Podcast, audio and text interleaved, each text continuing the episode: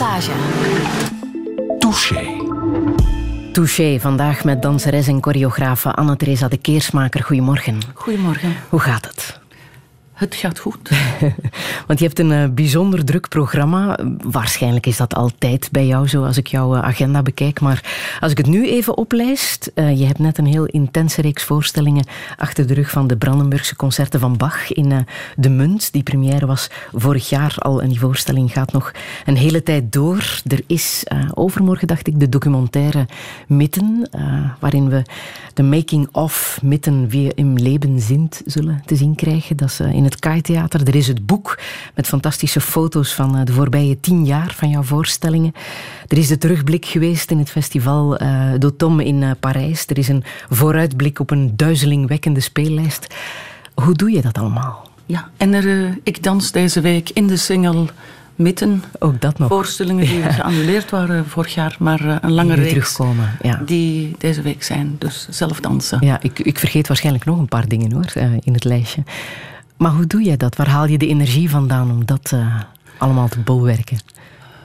Uh, ik denk goesting, ik doe het graag. Mm -hmm. uh, maar alhoewel de vraag, is het niet te veel, voortdurend is. En ehm, ja, ja soms, soms is het ook te veel. In Chinese filosofie uh, word ik beschouwd als een. Uh, de oude Chinese astrologie wordt ik beschouwd als boom en wind. En de eigenschappen die daaraan gegeven worden zijn de gentle, de penetrating. Dus de zachte, diegene die uh, doorduwt. Mm -hmm, mm -hmm. En dat heeft zijn. Dat, misschien is dat ook wel zo'n beetje. Dat heeft zijn goede en zijn slechte kanten. Dat betekent dat ik niet loslaat. -hmm. Dat ik uh, workaholic ben. Maar als het. Dat ik dat ook graag doe. Dat ik dan werken beschouw als. Uh, focused, focused play. -hmm. Focused spelen. Maar dat ik ook wel uh, ongeduldig en opvliegend kan zijn, mm -hmm. veel eisend. Um, dat, uh, datgene wat ik het liefste doe, is die opgaande, naar buiten gaande beweging van dansen. Ja. Dat dat mijn manier is om in de wereld te staan. Mm -hmm. Als ze inderdaad zeggen dat je wel eens streng en genadeloos kan zijn, herken je je daarin? Is dat dat ongeduld? Genadeloos vind ik een, een beetje te, te hard. Veel eisend. Ja. En uh, je bent de motor van dingen, dus je, je, begint zaken. Maar als je dingen maakt, is het ook zo dat de dingen, uh, die aandacht, die zin naar perfectie, dat de materie zelf daarom vraagt. Mm -hmm. Is het zo van je maakt iets, maar de dingen maken zichzelf en die vragen een bepaalde tijd, aandacht, precisie. En als je dat goed wilt doen, dan, dan kan, je, kan je daar geen compromis in maken. Mm -hmm. En dat je het goed doet, dat uh, bewijst de lijst aan uh, ja, uh, prijzen en, en eretitels die je al hebt ontvangen, zowat overal ter wereld. Hè. Wenen, Lissabon, Venetië, Frankrijk, Amerika, overal kennen ze jouw naam. Je bent ook wel ereburger van Wemmel, hè. dat moeten we ook Leuk. bij zeggen. Ja, en je bent ook barones. Is er, is er één prijs die jou ja, net iets meer heeft geraakt dan, dan alle rest? Uh...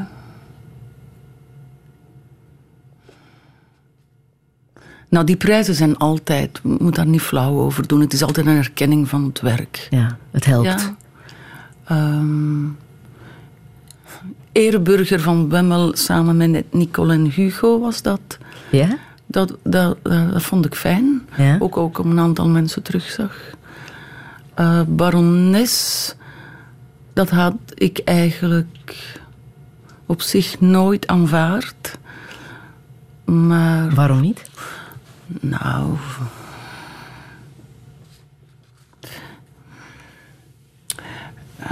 die hele hiërarchie en zo, het heeft iets... Ik wil daar niet mee waardig over, maar het heeft iets van een pralinnentitel. Hè. maar ik, ik, was er... Ik was vooral blij, omdat vroeger werden die dingen vooral gegeven aan mensen die bijvoorbeeld naar het leger gingen of in de politiek. Dus ik vond het een ode aan ons métier, dat danseressen serieus genomen worden. En ik heb het ook gedaan, ik denk voor mijn moeder, omdat mijn moeder was, uh, was toen maar niet, uh, leefde toen niet meer, was al gestorven.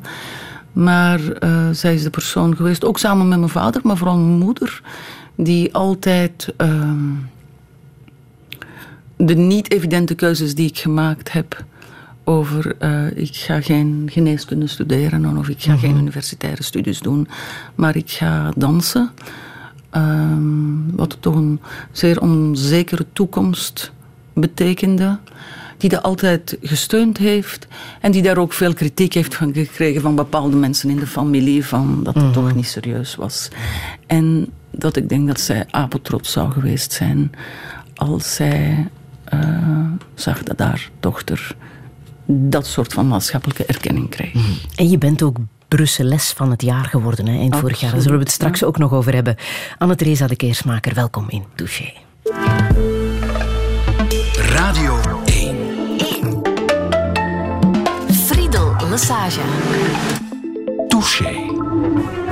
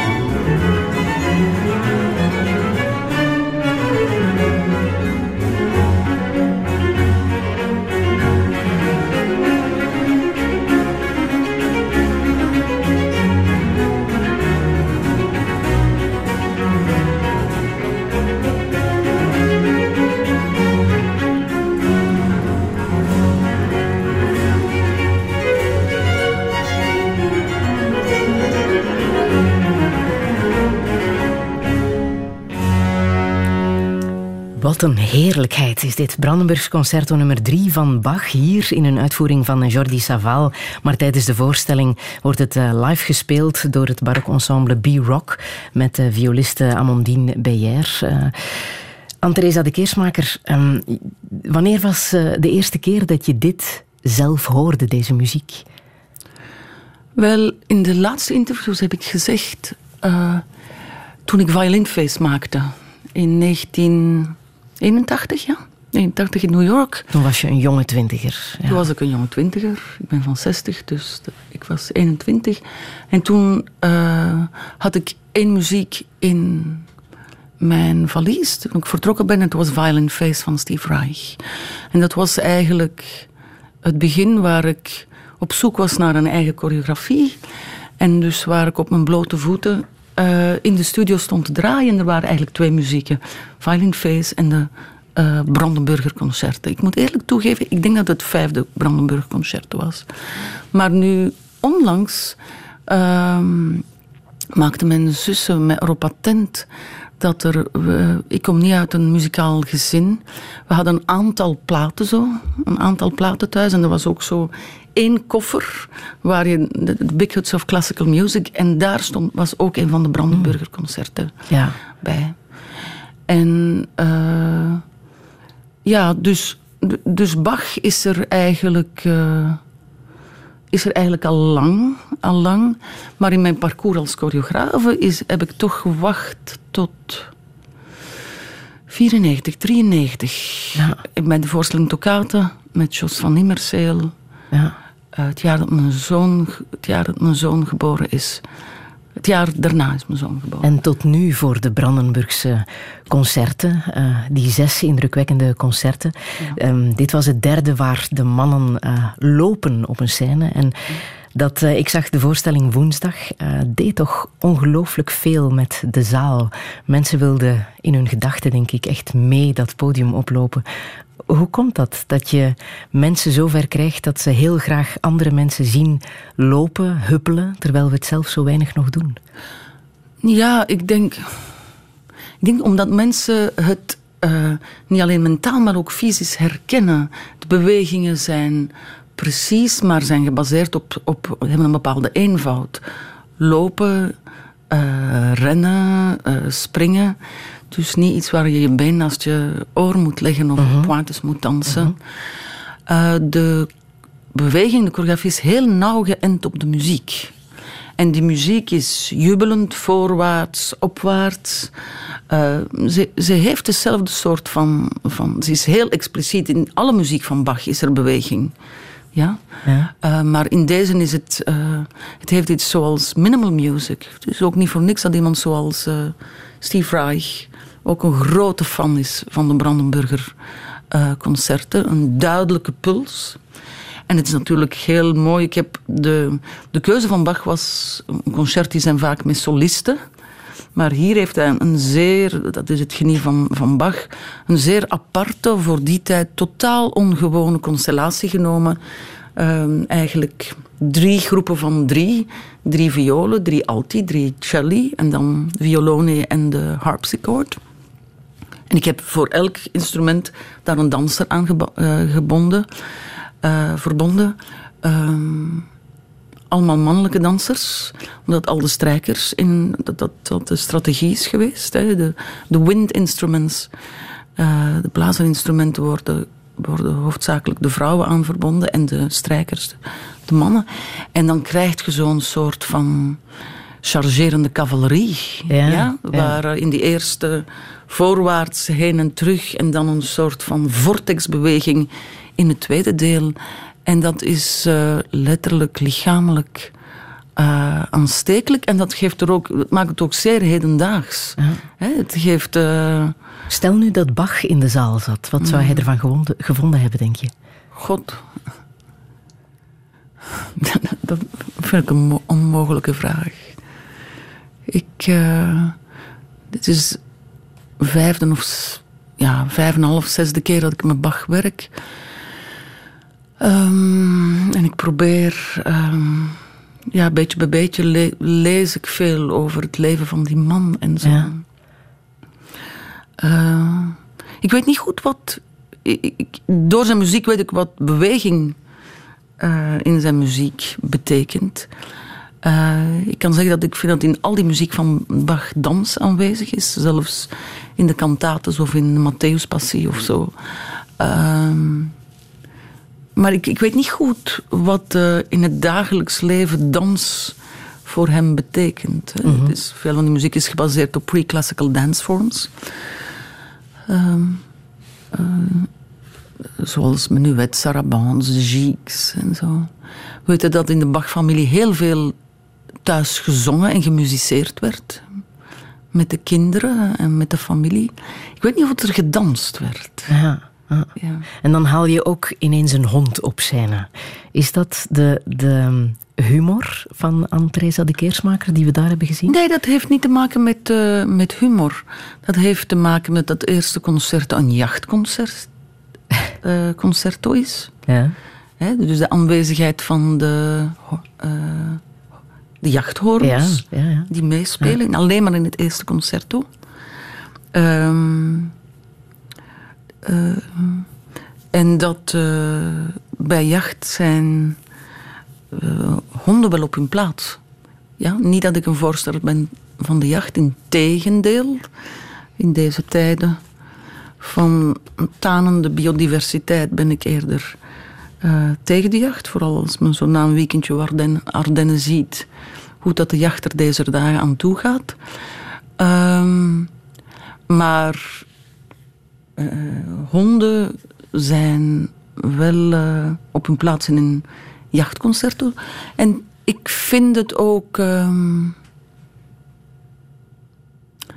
het is ook in de beweging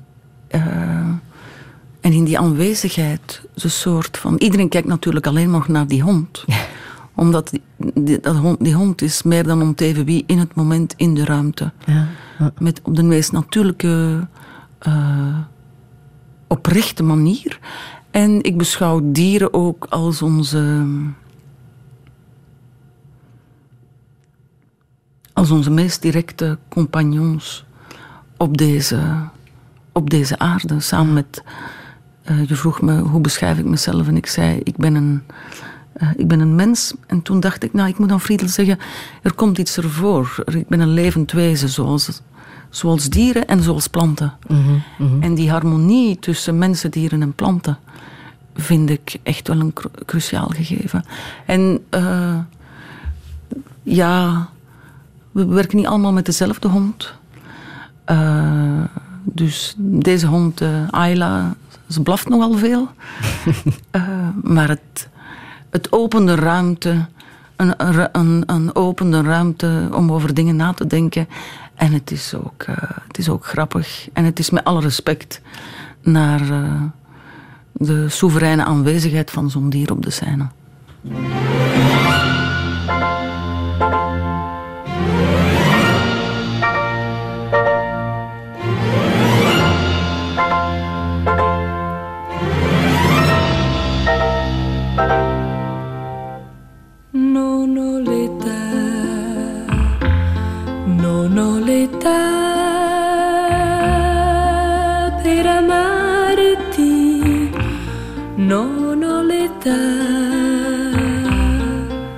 Per uscire sola con te e non avrei, non avrei nulla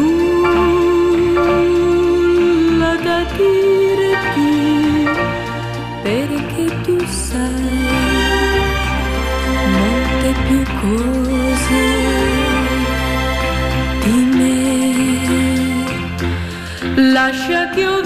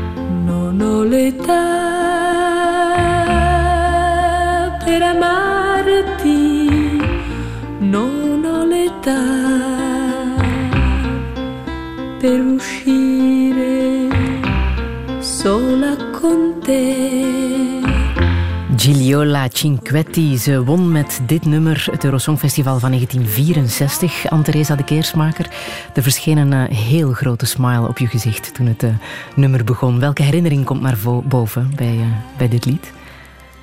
Mijn tante Titine, Valentine. De familie van mijn vader. Mijn vader kwam uit een gezin van acht kinderen, vijf vrouwen waarvan er geen enkele ooit getrouwd is. En drie mannen. Eh, mijn vader is de enigste samen met zijn broer die getrouwd is. Zijn moeder is eh, de moeder van mijn vader is geboren in 1875, mijn grootvader in 1865. Mijn grootmoeder was eh, 48 toen mijn vader geboren werd. Eh, ze woonden op een hof eh, in Wemmel, het noorden van eh, Brussel. Geen van die vrouwen is ehm, getrouwd, zijn allemaal ongehuwd op het hof gebleven, een beetje Cyril Buizen.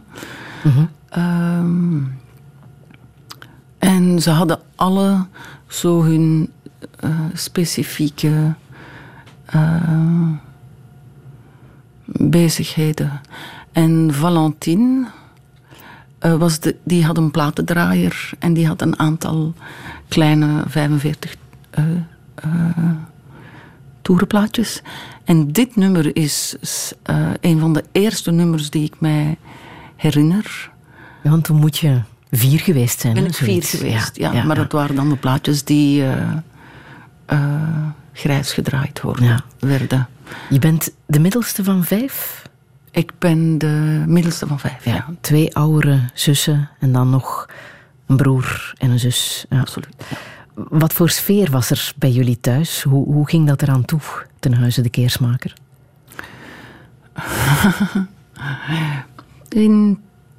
Intens. Hoe moet ik dat zeggen? Wij woonden op ongeveer een 500 meter van het grote boerenhof. Hè, eh, Ja. Familie landbouwers. Mijn vader was een beetje een, een apart verhaal. Zoals ik zei, de laatste van acht kinderen. Eigenlijk hoofdzakelijk opgevoed door zijn zussen. Eh, heeft een jaar geneeskunde gestudeerd en is dan eh, gestopt en is dan mee een aannemersbedrijf begonnen waarmee hij op een bepaald ogenblik ook gestopt is en dan mee op de hoef gewerkt heeft. Eh, mijn moeder was eh, lerares, kwam ook uit een gezin van acht kinderen, maar van het opwek Vlaamse intellectuele Lindemans. Eh, En was daar dans in de buurt? Nee, nee, daar was de boerderij. En daar was eh, eh, leven aan de rand van een, een grootstad van Brussel. Eh, Wemmel is de enigste faciliteitengemeente in het noorden van Brussel. Dat is spijtig genoeg ook voor een deel te wijten aan mijn eh, oom die burgemeester van Wemmel geweest is. Maar hoe kwam dans dan eh, in jouw leven terecht als, als dat er niet was? Ehm, ik, ik. Men vertelt dat ik al toen ik heel klein was, eh, plots verdween en de verkleedkleren ging halen en dat ik dan spijtig genoeg ook voor een spiegel ging staan om prinses te spelen. Ehm, ik ben eerst aan de muziekschool gegaan, maar het was begin jaren zestig, de glorietijd van Maurice Béjart. Ehm, er waren, zoals het muziekonderwijs in Vlaanderen was. Er waren muziekscholen overal, maar geen dansscholen. Er was in Grimbergen een, uh, een dansschool. En toen heb ik op een bepaald ogenblik aan mijn moeder gevraagd.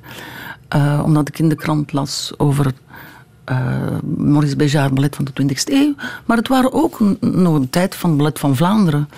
Uh, met Jean Brabants mm -hmm. en zo. Uh, en dan heb ik gevraagd om naar een, dat ik wou dansen. Ik denk, zoals vele kleine meisjes, een rokje willen aandoen en ronddraaien. Ja. Eerst met uw handen draaien en dan ronddraaien en springen. ik had dan ook een, een plakboek waar je uh, alles in uh, artikels uit de kranten uh, uit, uit knipten en plakten. En dan ben ik naar Grimbergen gegaan. En na drie of vier woen, woensdagen dat mijn moeder zei van... Oh, ik heb geen zin om u ehm, altijd naar de auto te nemen en naar Grimbergen te gaan. Laten we gewoon naar zelf een balletgroep beginnen hier in Wemmel. Ze is naar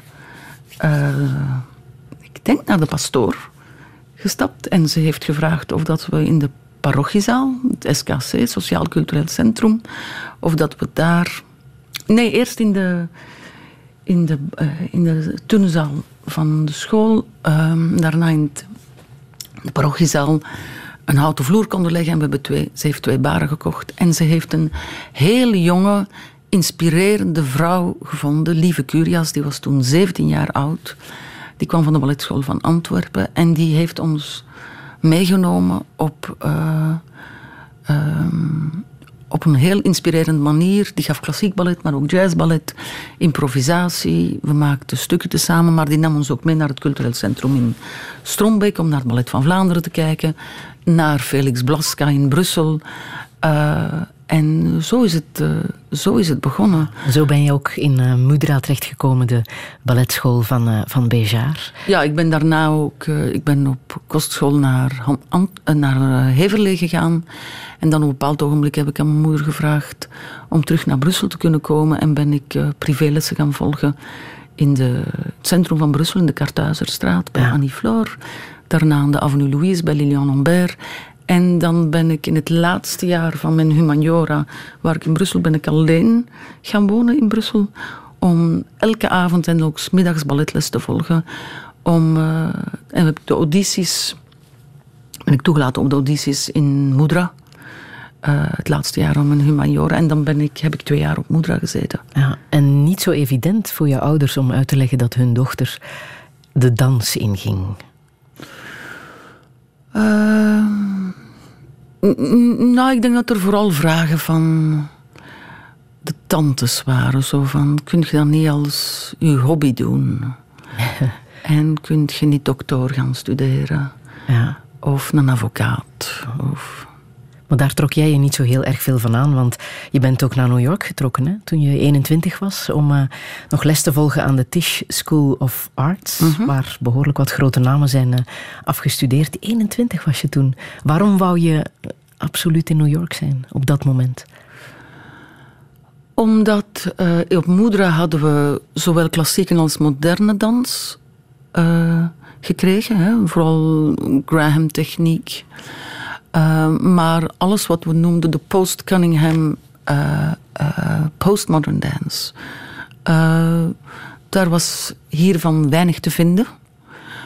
New York was ook de stad waar het land, enfin Amerika, maar ook de stad waar de geschiedenis van de hedendaagse dans, de geschiedenis van de dans in de 20e eeuw, is vooral verbonden aan Amerika en aan de stad van New York.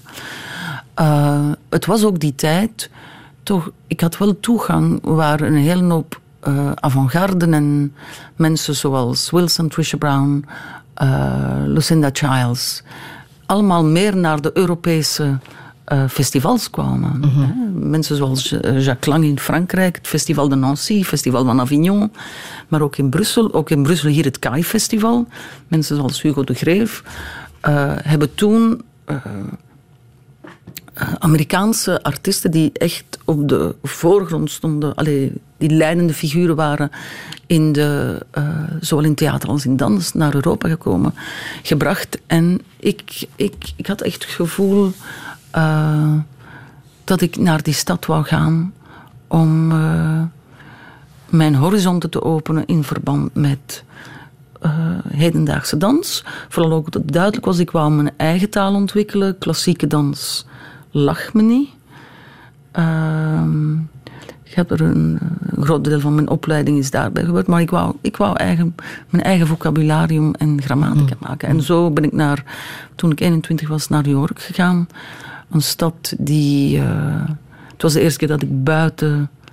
Uh, eigenlijk buiten Brussel, buiten België en Europa ging. Ja, en communiceren moest toen nog per brief, hè? mailen en, en, gsm was er toen nog niet. Ja. Dat gebeurde ook. Jouw moeder schreef. Uh, ja, met mijn, met mijn moeder en met mijn, uh, mijn beste vriendin. Ja, dat was uh, elke week brieven schrijven en één keer per maand een telefoon van vijf minuten. Ja, ja, En in die brieven, wat schreef jouw moeder? Ehm, over de gang van zaken thuis. Ik, ik heb vooral de herinnering, op mijn 21ste verjaardag was ik, uh, uh, was ik in New York. En heeft ze me een heel mooie brief geschreven waar ze eigenlijk uh, mijn geboorte beschrijft. En de eerste dagen toen ze terug uit het ziekenhuis kwam. En ook hoe dat ze getwijfeld hebben bijvoorbeeld hoe, welke naam ze me gingen geven. Uh, bijvoorbeeld, um, het idee was van me Barbara te noemen. En toen zei mijn vader, nee, dat vind ik veel te Vlaams. En toen kwam iemand op met de naam Therese. En toen zei mijn vader, nee, dat vind ik veel te Frans. Uh, uh, en zo is het Anna-Theresa geworden. En zo is het Anna-Theresa geworden, ja. ja. ja.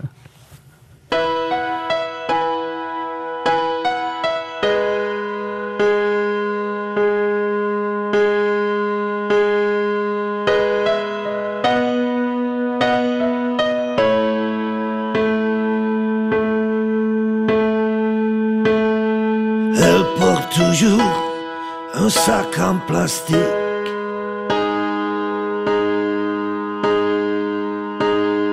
Avec de la bouffe macrobiotique.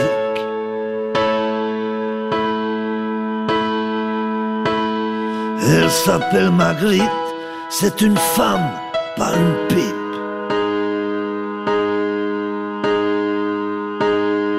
T'as pas de chance elle pense quand elle danse.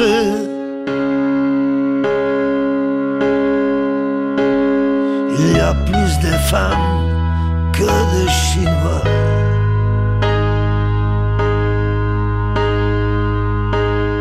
Elle pense à lui et à toi, toi, toi aussi. Elle a trop de tout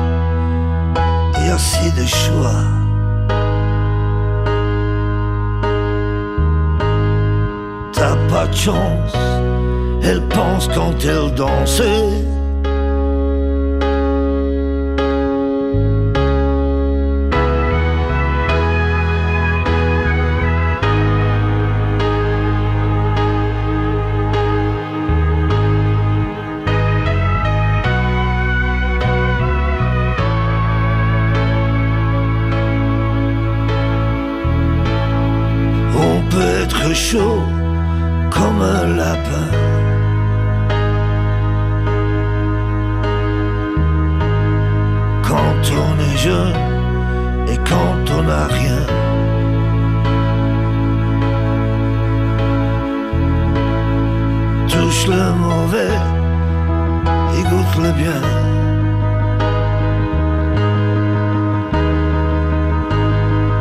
T'as pas de chance, elle pense quand elle danse.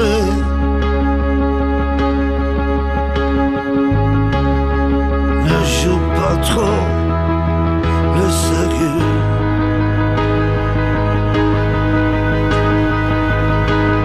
Avant d'être con, avant d'être vieux.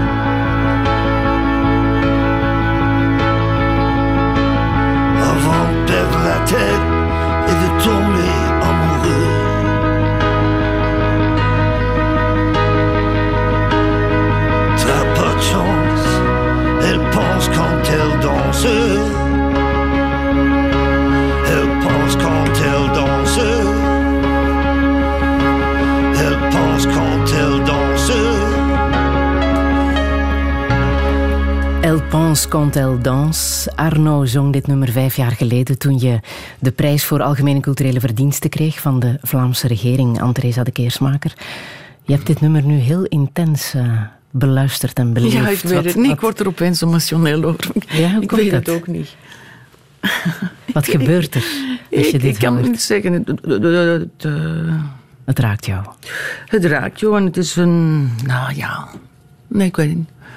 Doet me ook heel erg aan eh, een aantal mensen eh, denken die eh, een bepaald ogenblik toch ook heel... Een bepaalde periode die je bij mij gezien, Jan en Sigrid, Jan de Korten en Sigrid. Die een beetje toch mijn... Al in het begin jaren tachtig... Mijn...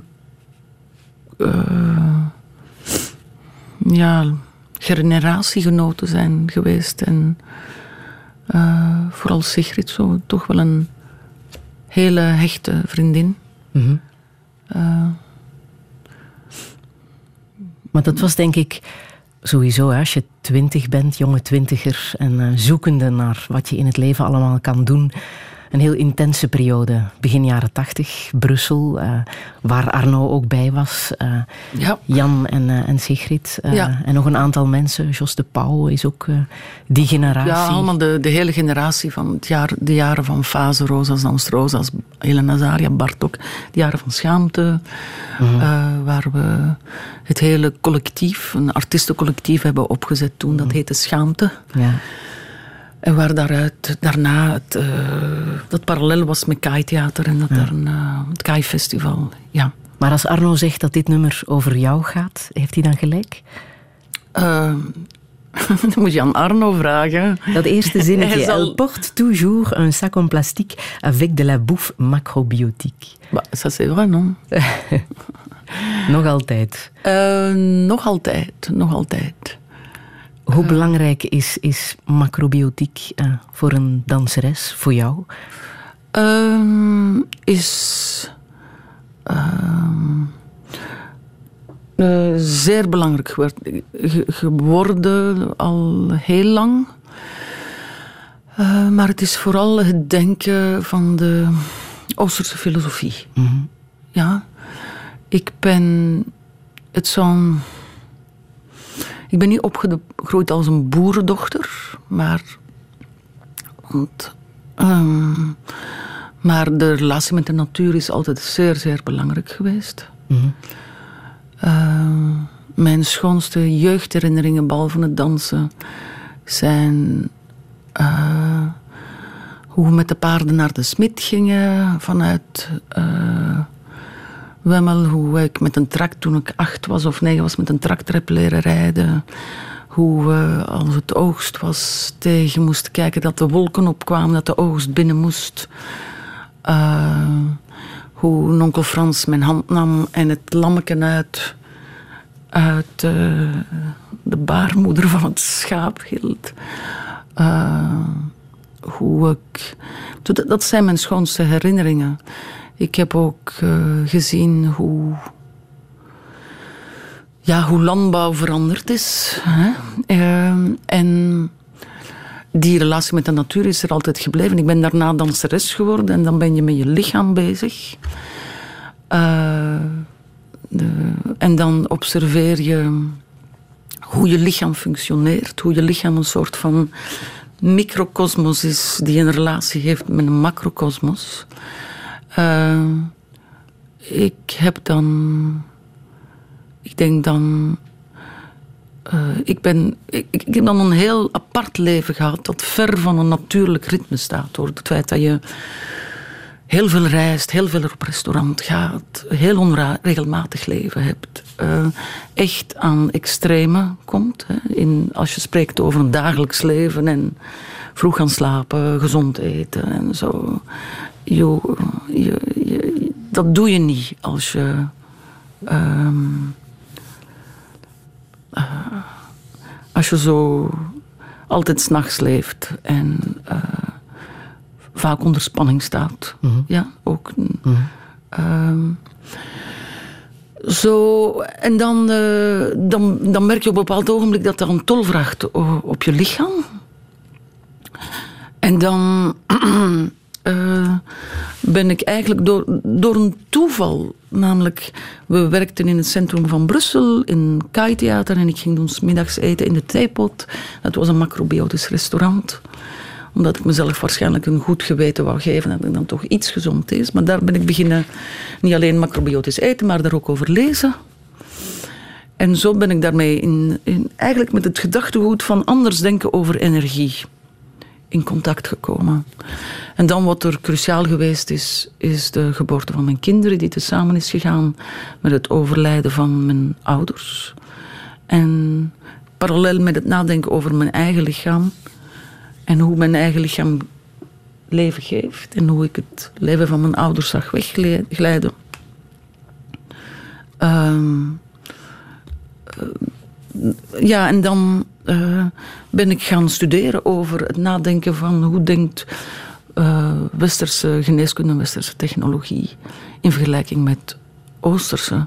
Hoe denken die eh, na over gezondheid en ziekte, over het lichaam, over energie? Hoe manifesteert die energie zich in dat kleine universum dat mijn lichaam is en hoe maniver- manifesteert zich dat in het grote eh, universum? En ehm, dat is een, een leidraad geworden, niet alleen van ehm, wat ik 's morgens eet en welke keuzes ik maak, hoe ik vegetarisch geworden ben, maar ook in eh, hoe ik choreografieën maak. Want eigenlijk gaat het over denken energie in ruimte en tijd. En als dat een mogelijke definitie kan zijn van choreografie, het organiseren van bewegen in ruimte en tijd en denken over ruimte en tijd, dat zijn dezelfde basisgegevens als waar de mensheid al, altijd over denkt. Dat is de basis van de wetenschap. Hè? En dat is de basis van de filosofie. Ben jij blij met je lichaam? Blij met mijn lichaam. Eh, Want het is jouw werkmiddel, elke dag. ja, eh, ja, ik had altijd heel graag lang haar gehad. Dat vind ik super spijtig. Eh, ik, krijg nu, ik heb nu het langste haar dat ik ooit gehad heb, maar nu is het grijs. en iedereen kan wel zeggen dat dat deze, da- deze dagen cool en sexy is, maar I don't know. Maar je bent wel altijd gelukkig geweest in... Ja. er is een periode geweest toen ik nog de kleine ambitie had om bij Béjar te gaan. Dat ik vond dat... eh, dan had ik wel langere benen willen hebben en zo. Ja, ik ben blij met mijn lichaam, maar ik, ik, zou liegen, moet ik zeggen, dat het ouder worden en te zien hoe dat je dat op je lichaam manifesteert, dat ik daar eh bij momenten niet moeilijk mee heb. Ja. Ben je altijd blij geweest dat je een vrouw bent? Ik heb me die vraag nooit gesteld. Eh, nee. it's a fact. Het is gewoon, het is een feit. En eh, ik denk. Nee, ik denk niet dat ik ooit het. eh, met de bedenking heb gemaakt, ik zou nu liever een man zijn.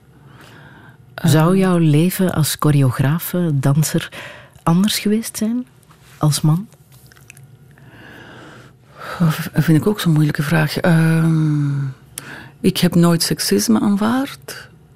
Men kan objectief zeggen dat van alle kunsten, en vooral in de laatste eeuw, eh, dans nog de kunst is waar ehm, vrouwen het meest maatschappelijke erkenning, artistieke erkenning hebben gekregen. De geschiedenis van de hedendaagse dans is niet uitsluitend, maar vergeleken bij de beeldende kunst, vergeleken bij de muziek, eh, misschien minder bij de literatuur.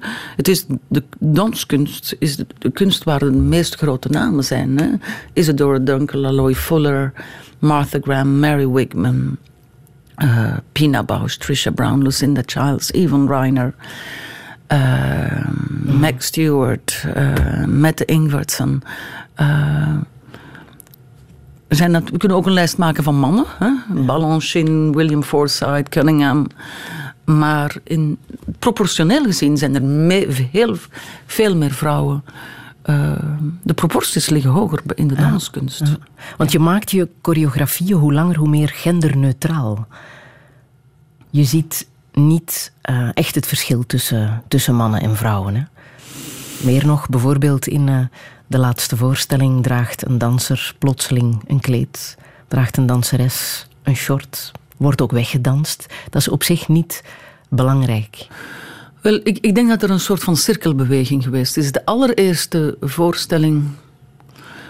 Uh, uh, de allereerste voorstellingenfase, Rosas dan Rosas, Elena Zaria, Bartok zijn voorstellingen die echt heel erg uh, op mijn eigen lichaam en op een vrouwenlichaam geschreven zijn. Mm -hmm. En dat had eigenlijk te maken met structuur en intimiteit. Enerzijds een voorstelling zoals Fase, die op die repetitieve muziek van uh, Steve Reich is gemaakt. Dat betekent minimalisme. Weinig, de, nucleus, de, de moleculen, is heel erg op eenheid gericht, hetzelfde. Stel je voor dat je fase zou zien met een man en een vrouw, dan begin je als een statement met verscheidenheid. In minimalisme en repetitie is belangrijk wat is verschillend in wat hetzelfde is en wat is hetzelfde in wat verschillend is. Je begint dus van een, een soort van lichamelijke unisono. Die voorstelling was zeer abstract. Rosas dan Strozas is al heel veel meer een, een expliciet vrouwenverhaal.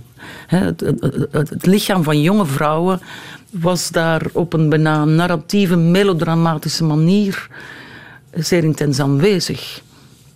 Uh, en eh, eh, het is praktisch een soort van brief aan, aan een man. Elena Zaria is, heel, is de afwezigheid van het mannelijk lichaam. Uh, ja, nog explicieter aan, aan, aanwezig. In een bepaalde soort van traagheid en een soort van droevigheid. Lichamelijke droevigheid en immobiliteit. Um, dus... Uh, Waar tegenover in de laatste jaren ik eigenlijk veel meer voor mannen ben gaan schrijven. -hmm. En die, die polariteit tussen man en vrouw is met de jaren meer weggegleden naar een, een, een verlangen naar abstractie en vormelijkheid. Ja. Uh, het harmoniseren van, van die tegengestelde. Waar het niet meer als een conflict, maar uh, een opgaan in elkaar is. Mm. En ik, die, die eerste voorstellingen waar het, vrouwelijk zijn heel aanwezig was, omdat ik er zelf in danste. Op het ogenblik dat ik er buiten ben, uh, eruit gestapt ben bij Microcosmos en Achterland, was er ook de noodzaak aan een andere soort van schriftuur. Ik kon niet voor de mannen op dezelfde manier vocabularium geven, omdat die verder stonden van mijn eigen, uh, eigen lichaam.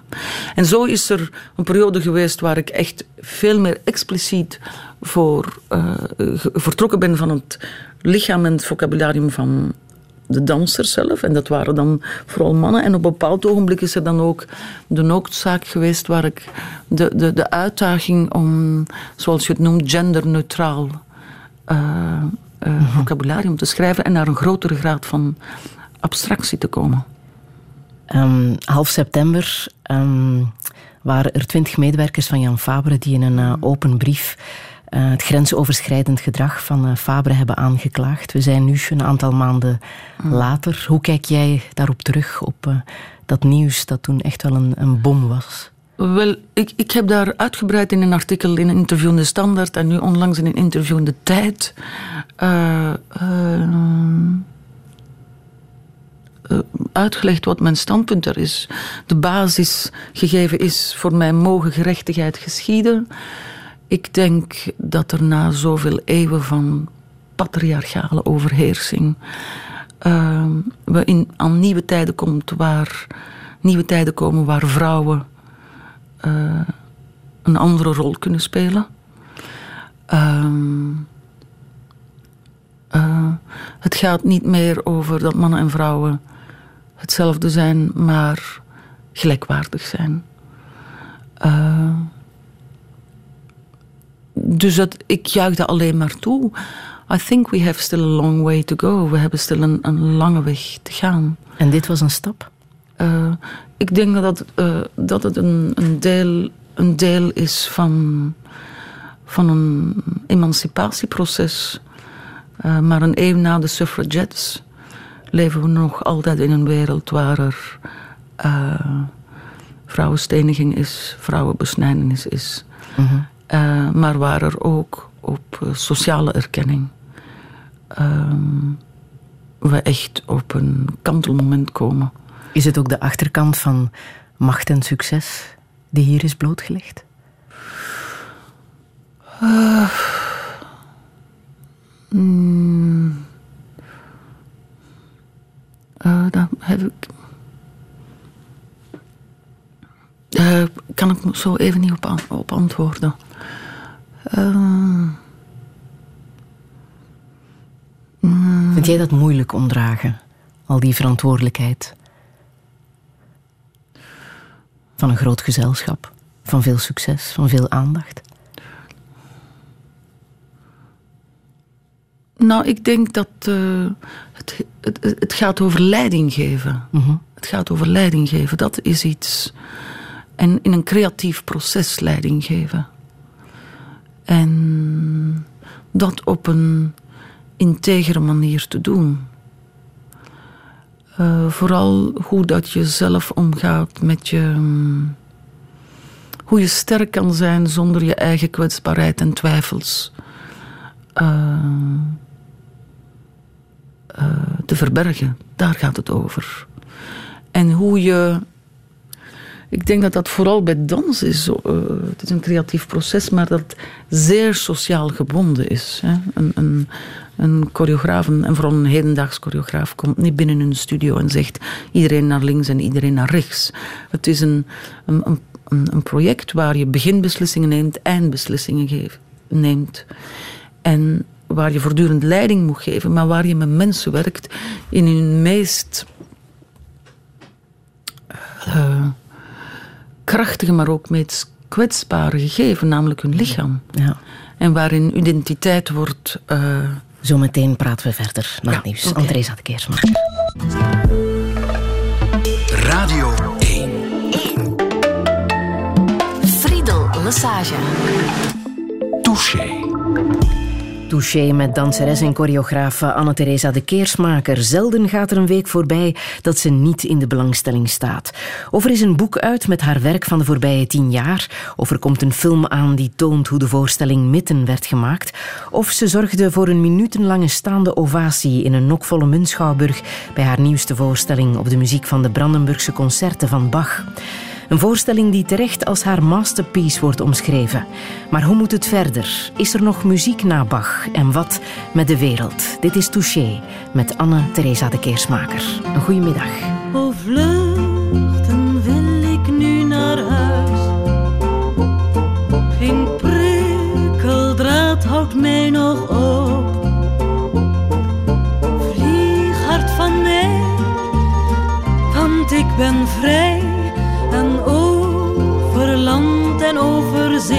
wil ik naar huis. Ja, over land en over zee wil ik naar huis.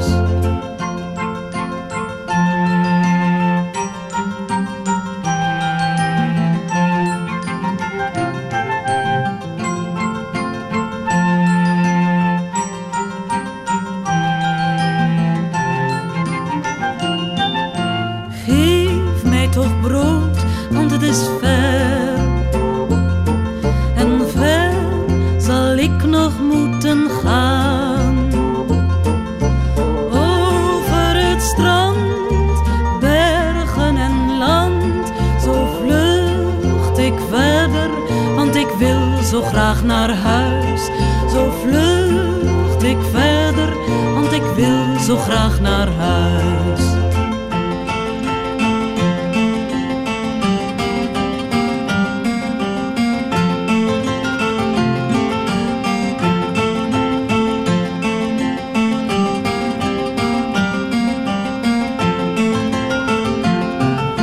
christen mensen, hoort mij aan. Gelooft, ik ben geen.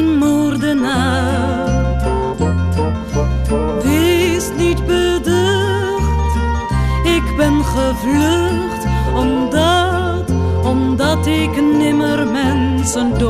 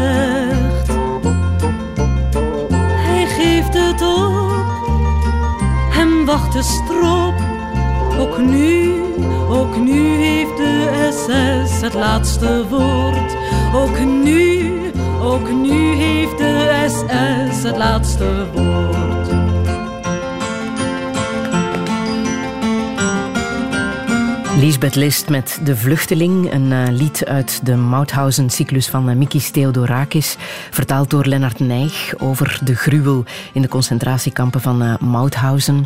Andresa de Keersmaker, waarom wou jij dit nummer laten horen? Omdat op het doodsprentje van mijn vader heeft mijn zus geschreven... eh, eh, eh, papa, we zullen je missen, want je hebt ons geleerd van met andere ogen naar de wereld te kijken. Eh, je hebt ons geleerd van de stand van dingen niet te aanvaarden zoals ze zijn. En eh, er bestaat een foto van hem waar hij met de kampioen van België, een stier, Albion 2 staat. Maar hij ziet eruit als een eh, Spaanse anarchist, jonge Spaanse anarchist die zou gezegd hebben: no pasaran. En eh, naar de wereld kijken met eh, niet de stand van zaken te aanvaarden zoals ze zijn, is misschien een mogelijke definitie van anarchie. En mijn ouders waren, kwamen uit een waren katholiek gezin, CVP en zo. Maar ik, ik, ik denk dat er van thuis uit ons, dankzij de heftigheid en het zeer emotionele, het passionele, is er altijd een gevoel geweest, denk ik, van. Naast uh, een gevoel van nood aan rechtvaardigheid. Er bestaat geen liefde zonder rechtvaardigheid. En uh, mededogen is een nobele, is een nobele deugd, is, mm. is een nobel iets. Afgelopen week heeft de jeugd duidelijk laten blijken dat uh, de stand van de wereld en zoals het er nu aan toe gaat, uh, zeker in de zaak, in de klimaatzaak, niet uh, zomaar aanvaarden. Ze zijn komen protesteren, mm. ze hebben um, gespijbeld voor, het, voor het klimaat en dat klonk zo. 75.000 mensen betoogden en toen het Ecopact niet werd getekend. Sorry, maar dat krijgt je aan een kleuter van vijf nog niet uitgelegd. Zwijgen is geen optie. Het is tijd dat er eindelijk eens wordt geluisterd naar de stemmen van jongere mensen. En dat er iets wordt gedaan met alle oplossingen of semi-oplossingen die er zijn voor de klimaatproblemen die dat wij nu hebben. Touché.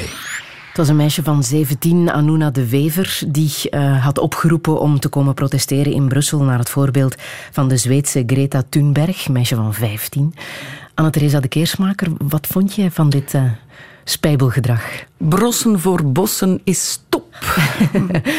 ja, je gaat ja. er helemaal mee akkoord. Ja, ga ik helemaal mee akkoord. We zijn op een kantelmoment gekomen. Het is niet meer vijf voor twaalf, het is vijf na twaalf. Uh, er zijn op. Uh, ze hebben groot gelijk. Uh, ze moeten naar school gaan om wetenschap te studeren, maar de politici nemen de wetenschap niet au serieus. er zijn op wereldvlak en ook in ons eigen land. er zijn biologen, mensen zoals Dirk Trouwlands, economen. Ehm, die zeggen: het kan niet zo verder gaan. De dingen gaan, gaan te snel, gaan te groot, gaan te veel. Uh, de biodiversiteit verdwijnt. Uh, en het, is, het gaat geen probleem zijn voor jou en ik, maar het gaat een probleem zijn vooral voor de komende generaties. Mm Jij bent heel dicht bij de natuur opgegroeid, heb je zo net uh, verteld. Je kent de landbouw van binnen en buiten, maar die is ook heel erg bedreigd. Hè? Van binnen en buiten zou dat is misschien een beetje bij het haar getrokken. Zeg ik nu, omdat je dat, daarnet zei dat je met een tractor hebt leren rijden. Dat was het nou, wat ik vooral gezien heb, uh, het, het hof van mijn uh, familie was het typische voorbeeld van een hoeve die tarwe en graan uh, en aardappelen en bieten en paarden en koeien en mm veelvuldig. Maar op een schaal, wat er gebeurd is na de Tweede Wereldoorlog, is de uh, dat de productie en de distributie van voedsel, de basis van de landbouw, wat eigenlijk toch wel de grootste industrie ter wereld is, hè, de productie van voedsel, de landbouw, hoe die, die, die schaalvergroting, hoe die geïndustrialiseerd is en wat daar gevolgen zijn geweest op het klimaat, op de sociale structuren, op, uh, op ons lichaam, op de gezondheid en op, de, op alle levende wezens, op de de, op, op de mensen, op de dieren en op de planten. Mhm. En uh, het is. De, er, moet, er moet anders over, over gedacht worden en er moeten drastische maatregelen genomen worden. En we, we moeten dat op kleinschalig en grootschalig doen. Heb jij een eigen moestuin? Ik heb een eigen moestuin, ja. ja. Ik ben een gelukkige, ja. Ja, een gelukkige noem je jezelf. Ja, ja, dat is. Uh, ja. Um, je zei mensen en natuur zijn niet meer in balans. Hè. Er is geen, geen centrum meer. Dat is wat we missen. Het midden is uh, weggeveegd, maar alles gaat naar de extreme. Ook in de politiek, ook dat hebben we gezien afgelopen week. Ja, ik denk. Toen um, bekend werd gemaakt dat uh, Dries van Langenhoven zich als onafhankelijk kandidaat uh, de Kamerlijst voor het Vlaams Belang in Vlaams-Brabant uh, gaat trekken. Jij woont in Vlaams-Brabant. Hoe is dat nieuws bij jou binnengekomen? Wel, zoals, zoals gezegd, je krijgt. Uh, je krijgt. We leven echt in een tijd van extreme. Het voorbeeld dat u net aanhaalt van deze jonge man die op een agressieve. Mm, agressieve. Uh, en mijn gevoel uit angst en frustratie gedreven uh, wijze zijn identiteit claimt, is op het wansmakelijke af en staat in groot contrast met de soevereine, geïnspireerde, intelligente manier waarop jonge vrouwen zoals uh, die Anuna de Wever uh, ja, dat is een groot verschil hè, tussen Anuna de Wever en... Ja, ja. maar ik, ik was ook erg blij om hier vorige week de man die hier zat... Uh, Mohamed Ridouani. Ridouani. Burgemeester in Leuven. Wat een opluchting. Eindelijk iemand die niet ah, van zijn groot gelijk op een soort van scherpe, maar altijd toch iets verzuurde, uh, cynische manier uh, haat uh, haat predikt. Mm maar die, die over, over, over een bepaalde eh, grens, die de moeilijkheid van deze tijden ziet, de grote uitdagingen, en die daar op een intelligente en met veel empathie en rust zegt: laten we samen naar oplossingen zoeken. Laten we samen naar oplossingen zoeken. En dat kan alleen maar doordat in plaats van dingen naar de uiteinden, naar de extremen te duwen, dat je toch een gevoel krijgt van we moeten de tegenstellingen harmoniseren. This feeling of harmony. En harmonie is de basis van Bach. Ja? Het denken in harmonie is uh, polariteiten zijn uh, opposites attract. Ja, de tegenstellingen trekken elkaar aan. En polariteit is iets wat beweging brengt. Maar de grote uitdaging is niet die dingen naar de buitenkant te duwen, maar ze te harmoniseren en samen laten brengen. En dat is een veel moeilijkere opdracht dan, want de polarisatie naar de buitenkant brengt alleen maar versplintering met zich mee. En we zullen die prijs betalen. En men heeft inderdaad, als je het wil terugkoppelen naar de MeToo-beweging, je hebt, ik, ik heb inderdaad het gevoel dat vrouwen daarin een leidende rol kunnen spelen vandaag de dag. Uh, Op welke manier? Ja, ik denk dat, dat uh, vrouwen toch andere capaciteiten hebben, die minder te maken hebben met uh, territoriumafbakening, uh, met snelle macht en grote macht, maar die een, een meer, meer ontvankelijke en voedende rol, heb, die, rol hebben die, die zeer noodzakelijk is. Mm -hmm. Die zeer noodzakelijk is en die veel meer omhullend is. En die uh, horizontaler en langzamer is. En die van een ongelooflijke kracht is. Maar die. Uh, die de, de basiseigenschappen zijn van Moeder Aarde. Je hebt uh, The Age of Extremes gelezen, hè? de eeuw van ja. uh, uitersten, een boek uit 1994 uh, van de Britse historicus Eric Hobsbawm. Wat moeten we daaruit onthouden? Wat heb jij daaruit geleerd uit, uit dit boek? Oh, het is nu wel een tijd geleden, vind ik een beetje moeilijk. Het is een, een allesomvattend is, boek over, over de 20e eeuw. Hè? Over de 20e eeuw. Uh, wij hebben een uh, erfelijke, een, noemen ze, een erfelijke ziekte in de familie. Ja. ja. Dat is uh, liefde voor geschiedenis. Ja.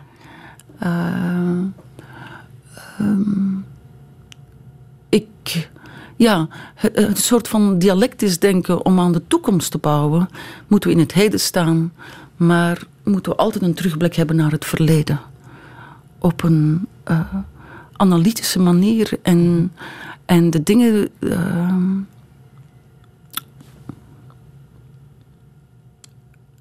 uh,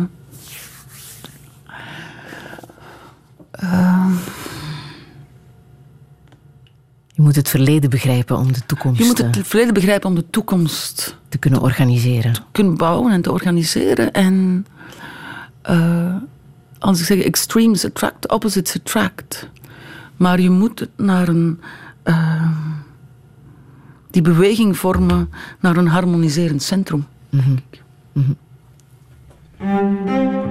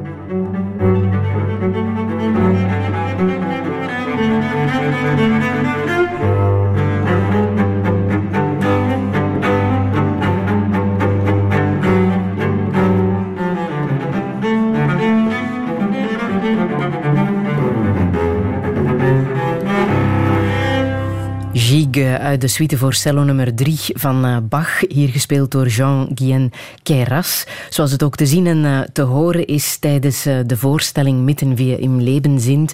En hoe die voorstelling is gemaakt, kunnen we vanaf dinsdag ook zien in een geweldige documentaire die in première gaat in het KAI-theater.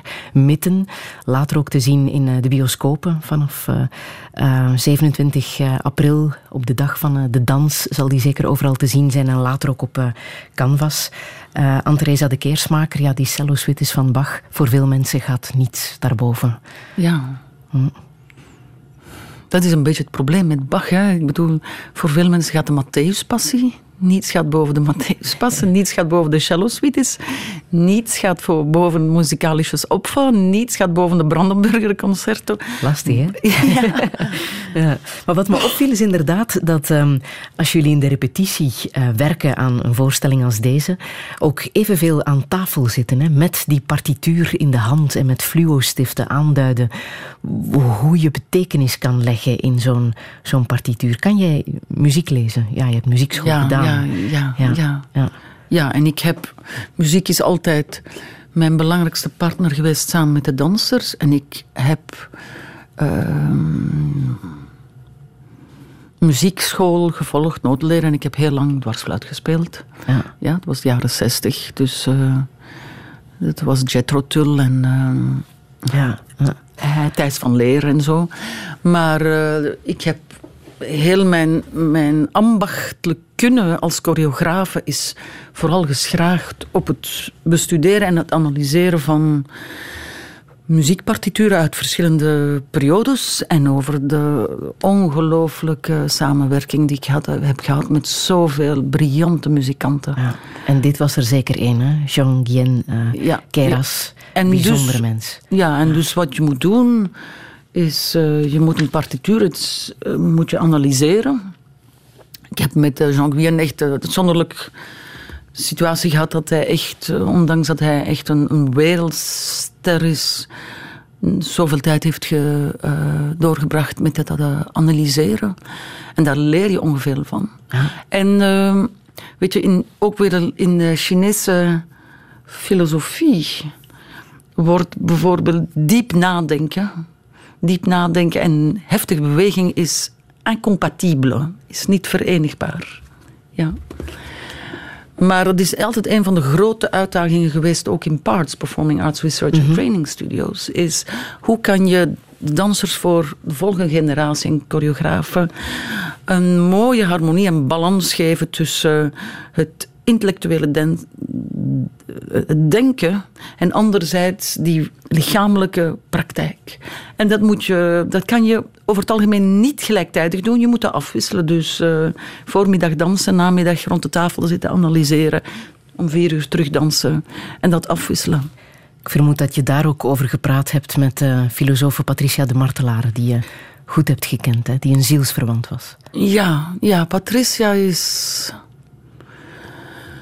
een ehm, aantal jaren geleden, ongeveer tien jaar geleden, heb ik een voorstelling gemaakt. Keeping Still. Dat eigenlijk gebaseerd was. Het met mijn bezorgdheid over wat er met de aarde gaat gebeuren. Wat gaat met het milieu gebeuren, met ecologie. En vooral wat doe je met hoop. En ik heb toen, in, aanloop naar, dat, uh, naar die voorstelling, heb ik. Ehm, had ik nood aan een gesprek met een aantal mensen om die vragen te stellen. Wat denk jij nu? Hoe kijk je naar de toekomst? Wat doe je met hoop? Als je, omdat die kinderen, mijn kinderen mij die vragen stelden. Van, mama, ze gaan daar toch iets aan doen, hè? Ze, gaan daar iets aan doen en dat ik, dat ik daar niet altijd een duidelijk antwoord op kon geven. Ik kwam toen op een bepaald ogenblik tot de constatatie dat ik alleen maar mannen had op mijn lijst. En toen dacht ik opeens, ah, kijk, er is één persoon die um, waaraan ik die vraag zou willen stellen. Want zij heeft verschillende boeken geschreven over Taoïsme. En door mijn verbondenheid en mijn interesse in Taoïsme ben ik zo bij Patricia de Martelaar gekomen. En ik heb haar toen een brief gestuurd met, uh, waar ik uitlegde wat het opzet was. Zij had dan afgesproken dat we elkaar zouden zien. En na een paar uh, dagen stuurde ze me een mail en zegt: Eigenlijk heb ik er niks over te zetten. Zeg, alles wat ik daarover te zeggen heb is, is in een essay dat heet Wat blijft. Ik heb dat essay dan gelezen, dat is een briljant essay, dat inderdaad die vragen op een meer filosofisch gearticuleerde manier bekijkt. Uh, en formuleert. Uh, maar ik heb haar toen gezegd van, ik, ik, zou je toch graag eens ontmoeten. We zijn dan een koffie gaan drinken en dat is het begin geweest van een heel hechte relatie. Uh, waarin ik opeens een, ja, opeens een zielsverwant vond. Mhm. Een briljante, briljante vrouw, grappig, zeer gearticuleerd.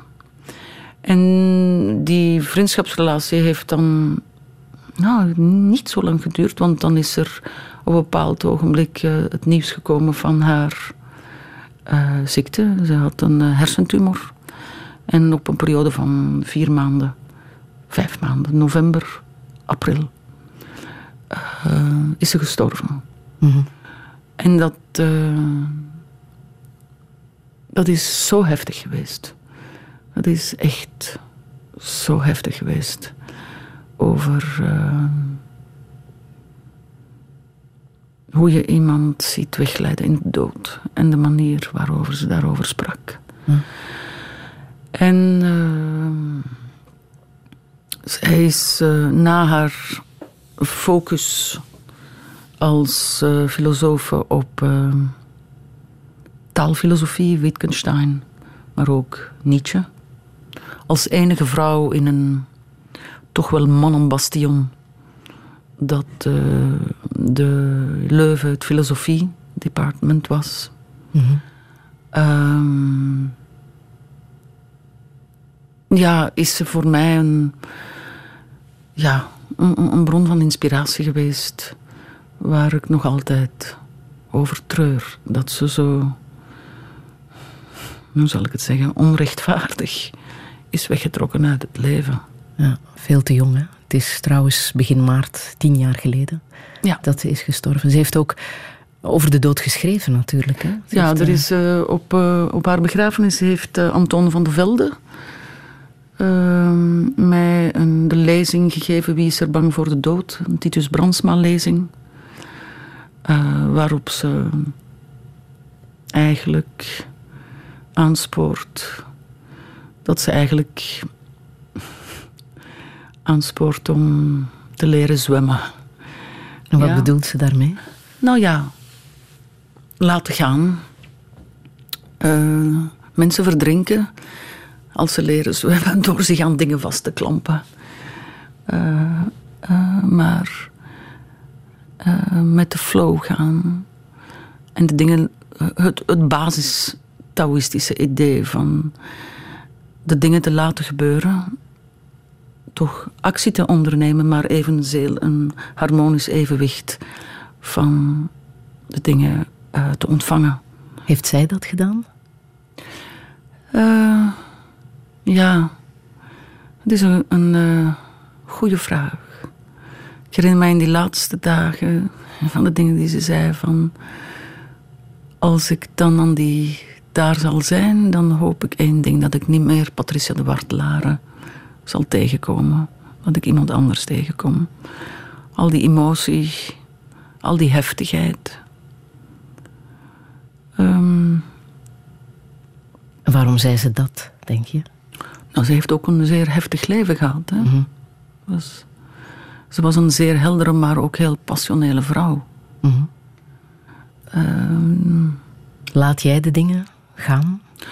Ik, uh, ik ben ook een zeer. Ik denk, je vroeg me in het begin de definities. Ik sprak over door, doorduwen, niet laten gaan en zo.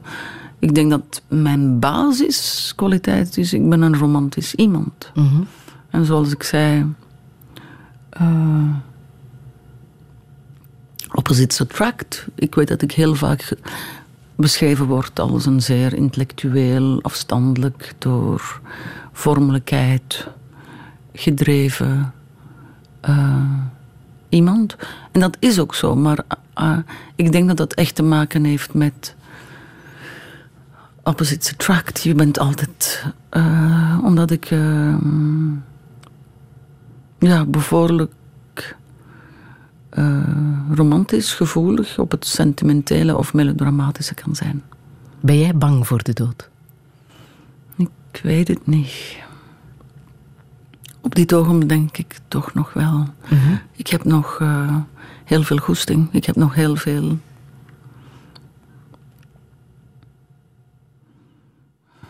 Ja, ik denk. Er zijn nog heel veel mensen dicht bij mij waar ik tijd mee zou willen doorbrengen. En uh, ik heb nog heel veel goesting om te dansen. En dansen is toch wel in de eerste plaats een uiting van opgaande levensenergie. De dood is natuurlijk ook de aftakeling van het, van het lichaam. Hè? Dat uh, met het ouder worden er niet fitter op wordt. Nee, nee, nee. Maar ik, ik denk, ook daarin is uh, Johann Sebastian Bach voor mij echt een, uh, een, voorbeeld. Johann Sebastian Bach heeft zijn ouders, zijn vader en zijn moeder op heel jonge leeftijd uh, verloren. Hij was negen of zo in een periode van een jaar. Hij leefde ongeveer na de Dertigjarige Oorlog, waarop massale schaal mm in Duitsland mensen zijn, in Europa mensen zijn gestorven. Begin van de grote, grote ontbossing van Duitsland, waar ook mm landschapsveranderingen waren. Heeft, uh, geloof ik, bijna twintig, twintig kinderen gehad. Zijn eerste vrouw is gestorven op jonge leeftijd. Een vrouw waarmee hij negen of tien kinderen heeft gehad. En gestorven op een heftige manier. Uh, hij was op reis, hij is thuisgekomen en men heeft hem gezegd... Hij wist van niks en zijn vrouw was al begraven. En dan... Uh, van de twintig kinderen die had, zijn er elf gestorven. En niet allemaal op heel jonge leeftijd. Hè. Veel van die kinderen zijn waar twee, drie jaar uh, gestorven. Dat betekent tijd genoeg om aan, aan zich te hechten. Niet zo van uh, na een week of zo. Dus die, dat begrip en dat bewustzijn van sterfelijkheid. En van we, we vormen, we zijn in iets we zijn deel van een groter geheel. Was natuurlijk ook een, een, een zeer uh, door zijn Lutheraans. Uh, hoe zal ik zeggen, bewustzijn heel. Uh, Maar hij had tegelijkertijd in zijn muziek heb je die, die, die vitaliteit, die, die vooruitstroming naar het uit het oneindige naar het oneindige. Maar tegelijkertijd is er een soort van troost over en van dat bewustzijn van uh, in een grote luciditeit over uh, de dood is het enigste waar we absoluut zeker van zijn. We gaan sterven en en hij doet dat in de, de laatste cello suites, maar ook het laatste zesde Branden-concerto. Die hebben altijd iets, dat gevoel van empathie. Het komt wel goed. We, we is een bepaalde soort van positieve, hoopgevende berusting. Ja. Uh, die ik zeer mooi vind. En die, die, die verticale aks verbindt met die, die een reikende hand en een troostende hand en een, een omhelzing van, die wij als mensen zo nodig hebben. Van, uh, uh, ergens en ooit komt het, komt het wel goed, wat het ook betekent. Uh, Is er een groter geheel? Is er iets, iets waar jij in gelooft? Ja, zoals ik op je vragenlijst zei, van we komen uit het oneindige en we gaan terug naar het oneindige in de koude wetenschappelijke analyse en in de uh,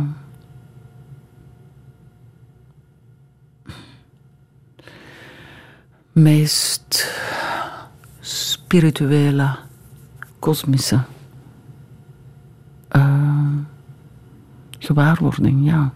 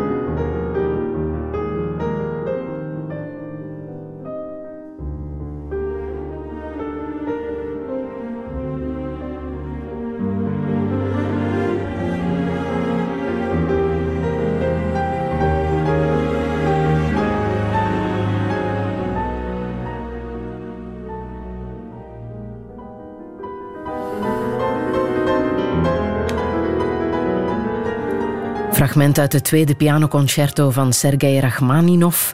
Ik laat het horen omdat het ook uh, te horen en te zien zal zijn in uh, de nieuwe film Cleo, die um, binnenkort, denk ik, in première zal gaan met in de hoofdrol Andresa de Keersmaker, jouw dochter, hè? Anne Francisca speelt de hoofdrol in Cleo. Het is trouwens niet haar eerste film, hè. het is al haar derde film. Hoe kijk jij als uh, moeder naar wat jouw dochter doet? Uh, dat is altijd met een zeer grote bezorgdheid. En ook daar met een proberen een uh, evenwicht te vinden tussen raad geven, zorgen voor en laten gaan. Uh, ja. Vind je het moeilijk? Ja, vind ik niet gemakkelijk. Vind ik niet gemakkelijk ook om. Er is mijn zoon en er is mijn dochter. En ik heb eigenlijk een beetje toch wel tot mijn spijt aan die kinderen niet een normale fam gezinssituatie kunnen bieden. Mm -hmm. Omdat. Uh, um, omdat ik niet samen uh, ben blijven wonen met hun vader. En uh, ja, dat is toch niet altijd even gemakkelijk. Vooral als je het werk doet dat, dat ik doe. Als je zo intens met creatie bezig bent. En ja, laten we toch met, laten we het om het simpel te zeggen, met een carrière bezig bent. En uh, kinderen hebben tijd nodig, aandacht nodig. En hebben dat nodig. Uh, en dat is gewoon heel moeilijk compatibel. Mm. Ja, ik heb, uh, als je mij vraagt, heb ik ooit uh, met seksisme te maken hebben? Nee, maar, maar ik heb als vrouw heb ik het wel heel moeilijk gevonden om die dingen te combineren. Weet je, creatief bezig zijn, partner zijn en kinderen opvoeden. Ik heb dat kunnen doen omdat ik de vader van de kinderen mij altijd ongelooflijk gesteund heeft, ondanks onze verschillen. En daar altijd prioriteit aan gegeven heeft. En ook omdat ik vanuit Rosa's een, eh, een team heb gehad dat mij daarbij geholpen heeft om dat te organiseren. Een aantal mensen, uh, zoals Kees Eirond, maar mm -hmm. bij Parts, Theo van Rompuy en zo. Uh, dat is daar cruciaal in geweest. Ja. ja. Maar uh, ook, nu, uh, ook nu is het proberen er te zijn en soms niet goed weten hoe je, hoe je daar richting aan moet geven. Want het is geen eenvoudige rol die ze speelt hè, in Cleo. Ze is een nee. jong meisje die door een auto-ongeval haar beide ouders verliest. Ja. En dat trauma probeert te verwerken via het pianospelen, via de kunst. Ja. ja piano is, uh, is bij jullie denk ik ook een uh, belangrijk aanwezig instrument. Uh, ja, ik heb een grote piano thuis, maar ik speel zelf geen piano. en aangezien zij nu weg is, ja. ja, gezien zij nu weg is, staat het beest een beetje onze grote zwarte olifant. Um, ja, ja, ik, ik weet niet. Ik, het, het, is een uitzonderlijk intense ervaring voor haar geweest. Mm -hmm. um, ik denk dat ook, was een grote uitdaging, ook omdat uh, uh, het, het, ook iemand was die aan haar, eigenlijk aan de eerste grote film bezig was. Ja, het is een debuutfilm ook van een debuutfilm en ik denk regisseur, dat, hè, Eva Kools. Ja, ja en dat, dat, dat zet ongelooflijk veel druk op de dingen. En dat, ik denk dat dat voor elk begin... Uh, ik denk werken onder druk is bij film nog veel groter dan bij, bij dans. Ja, dat kan en, je niet nog eens opnieuw spelen nee, natuurlijk. Nee, nee, ik denk als je als vrouw creatief bezig bent, ik denk bijvoorbeeld choreografie, dat is iets dat zich uitstrekt in de tijd. Maar als je bijvoorbeeld in opera werkt of in film, dan zie je, je moet echt heel lang op voorhand voorbereiden en dan moet je als een Napoleon beslissing nemen. Dan moet je echt je mannetje staan. Mm -hmm. En dat is denk ik uh, soms best moeilijk. Ja. Als we het over Anna Francisca hebben, moeten we het ook over Anton hebben, zei je zo net. Jouw zoon. Uh, ja, de kinderen. We moeten het erover. De kinderen vaak zijn, hebben het daar niet altijd gemakkelijk mee. Om, ze zijn blij dat ze niet dezelfde, mijnzelfde naam hebben. Ja. Maar. Je kan er wel trots op zijn. Ja, moet ik dat nu allemaal gaan zeggen, Friedelijk? Kan jij het niet beter zeggen? Want wil ik dan al stoffen op je zoon is zoiets. Ja, zal eh, ik wat stoeven. Studeert eh, in eh, Cambridge. Wat doet hij daar precies? Hij doet zijn doctoraatsthesis in Cambridge over eh, de geschiedenis van populisme. Ja. Eh, American Populism, The Origins of Populism. Hij heeft een boek geschreven, eh, De kleine antigeschiedenis van het populisme. Ja. En je hebt het gelezen, vermoed En ik heb het gelezen, ja. Ja. Wat raakte jou in wat hij schreef? Wel, ik denk dat hij een zoon van deze familie is. Dat hij een, een voorliefde heeft voor geschiedenis. Hij heeft een zeer grote... eh, hij schrijft gewoon ook heel goed. Hij is iemand die een zeer brede blik heeft en een ongelooflijk veel gelezen heeft. Eh, en een zeer grote en brede kennis heeft van eh, politiek. Maar die... Hij heeft er ook voor gekozen onmiddellijk naar zijn humaniora eh, naar Engeland te gaan. Omdat hij ehm, intellectual history en political science met elkaar wou verbinden. En dat hij dat niet kon hier in België. Mhm. Ehm,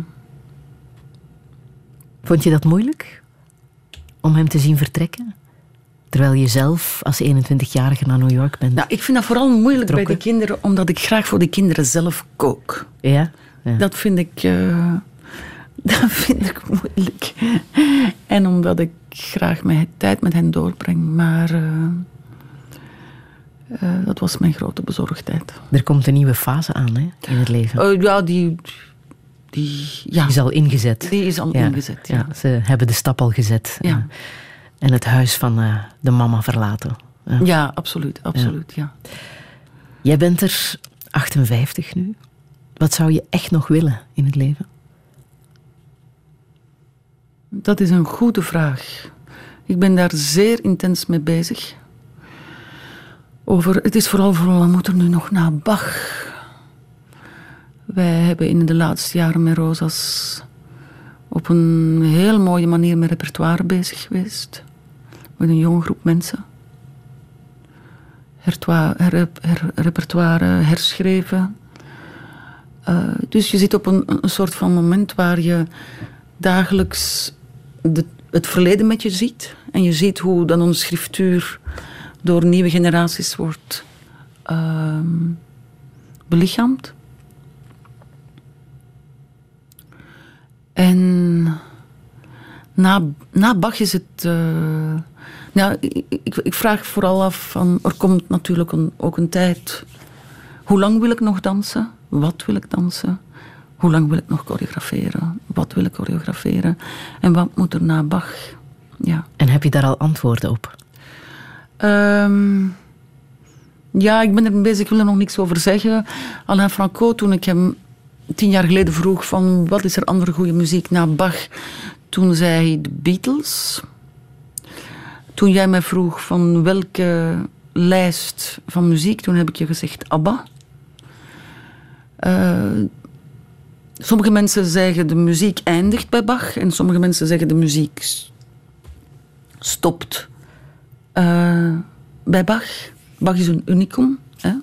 Ik heb een grote voorliefde voor Vlaamse polyfonisten. Ik ben altijd ver weggebleven van romantisch repertoire, omdat ik mezelf beschouw als ehm, een romantisch iemand en dat dat te veel van hetzelfde zou zijn. Maar ik heb altijd een grote voorliefde ook gehad en praktisch een soort van verantwoordelijkheid, de muziek van nu. En dat is hedendaagse muziek, Anton Webern, John Coltrane. eh, maar ook popmuziek. En popmuziek heeft dat gemeen met, ehm, met Bach, namelijk dat het muziek is, dat het dansbaar is, omdat het een heldere structuur en puls heeft. Dus het brengt muziek, het brengt dans mee, het heeft ook eh, theater mee, het vertelt verhaaltjes en dus ook literatuur. En zo ben ik eh, bij ABBA gekomen. ABBA is een palindroom van achter naar voor en van voor naar achter hetzelfde. En als je naar het oeuvre van ABBA gaat kijken, it's, ehm, Dat is de ene hit na de andere. Hè. Bach heeft ook, ik weet niet hoeveel hits. Hè. Dide dide dide dide dide dide. Uh, dat heeft de Beatles, ABBA en Bach met elkaar uh, uh, gemeen. Dus, dus ga jij dansen op ABBA? Is dat ja, de dat is, stap? een, dat is een vraag, want dat is een beetje te voor de hand liggend. Ik sluit het niet a priori uit, maar ik denk dat het dan wel een heel apart. Uh, de, de, de, uitdaging dan is hoe maak je het niet anekdotisch. Nee. En daar ben je nu bewust mee bezig. Nu ja, kijk, ABBA door de bedoel, kamer. Laten we Bach ook niet heilig maken. Er is ook nog veel andere muziek. Bach is vooral over dat oeuvre. En dat heeft ook wel Beatles en, en, en ABBA ook gemeen. Maar het is The Rite of Spring of, um, of uh, Stravinsky. Heel veel van de hedendaagse muziek in de 20e eeuw is gemaakt samen met dansen. Er zijn heel, nog heel veel uh, dingen die ik nog niet gedaan heb. Hè. Orlando di Lasso heb ik niet gedaan. Monteverdi heb ik uh, niet gedaan. Maar het is een zeer intens uh, denkproces voor het ogenblik. En ik, ja. ben er, ik ben er echt nog niet uit. Laten we er zo meteen uitgaan met ABBA. Ja. Maar misschien nog één boodschap. Welke boodschap wil je nog meegeven aan de luisteraars? Als er nu iets is waar ik een hekel aan heb, is uh, boodschappen. Ja? ja? Het is Liz LeConte van de Wooster Group, who always said van... Ah, als ik denk dat uh, mijn theater een... Uh, when people want to give a message, I start yawning. Dan begin ik te gapen. gapen, zeg maar? Geeuwen. Ja, ja. ja. Daar, daar, daar heb ik... Beweeg is misschien een goeie. Ja. Uh... Beweeg bewust.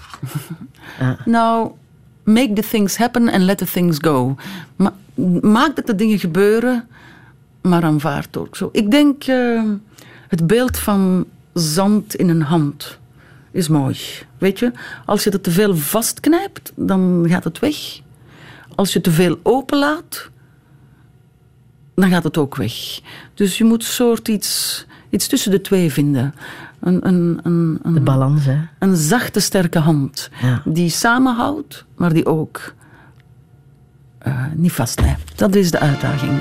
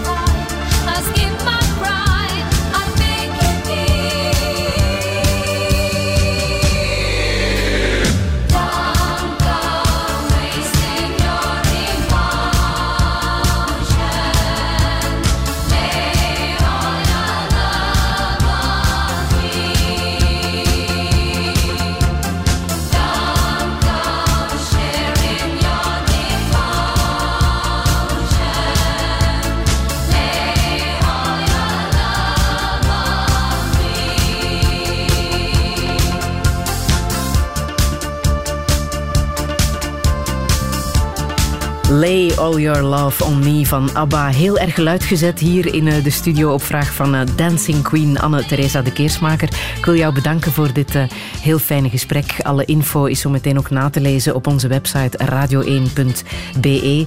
Volgende week gaan we hier praten over film met filmrecensent Patrick Duinslager, want die wordt 65 en gaat met pensioen. Ik wens je nog een heel fijne zondag. Dank je wel. Dank je. Herbeluister Touché via de podcast, de Radio 1-app en radio1.be. Touché.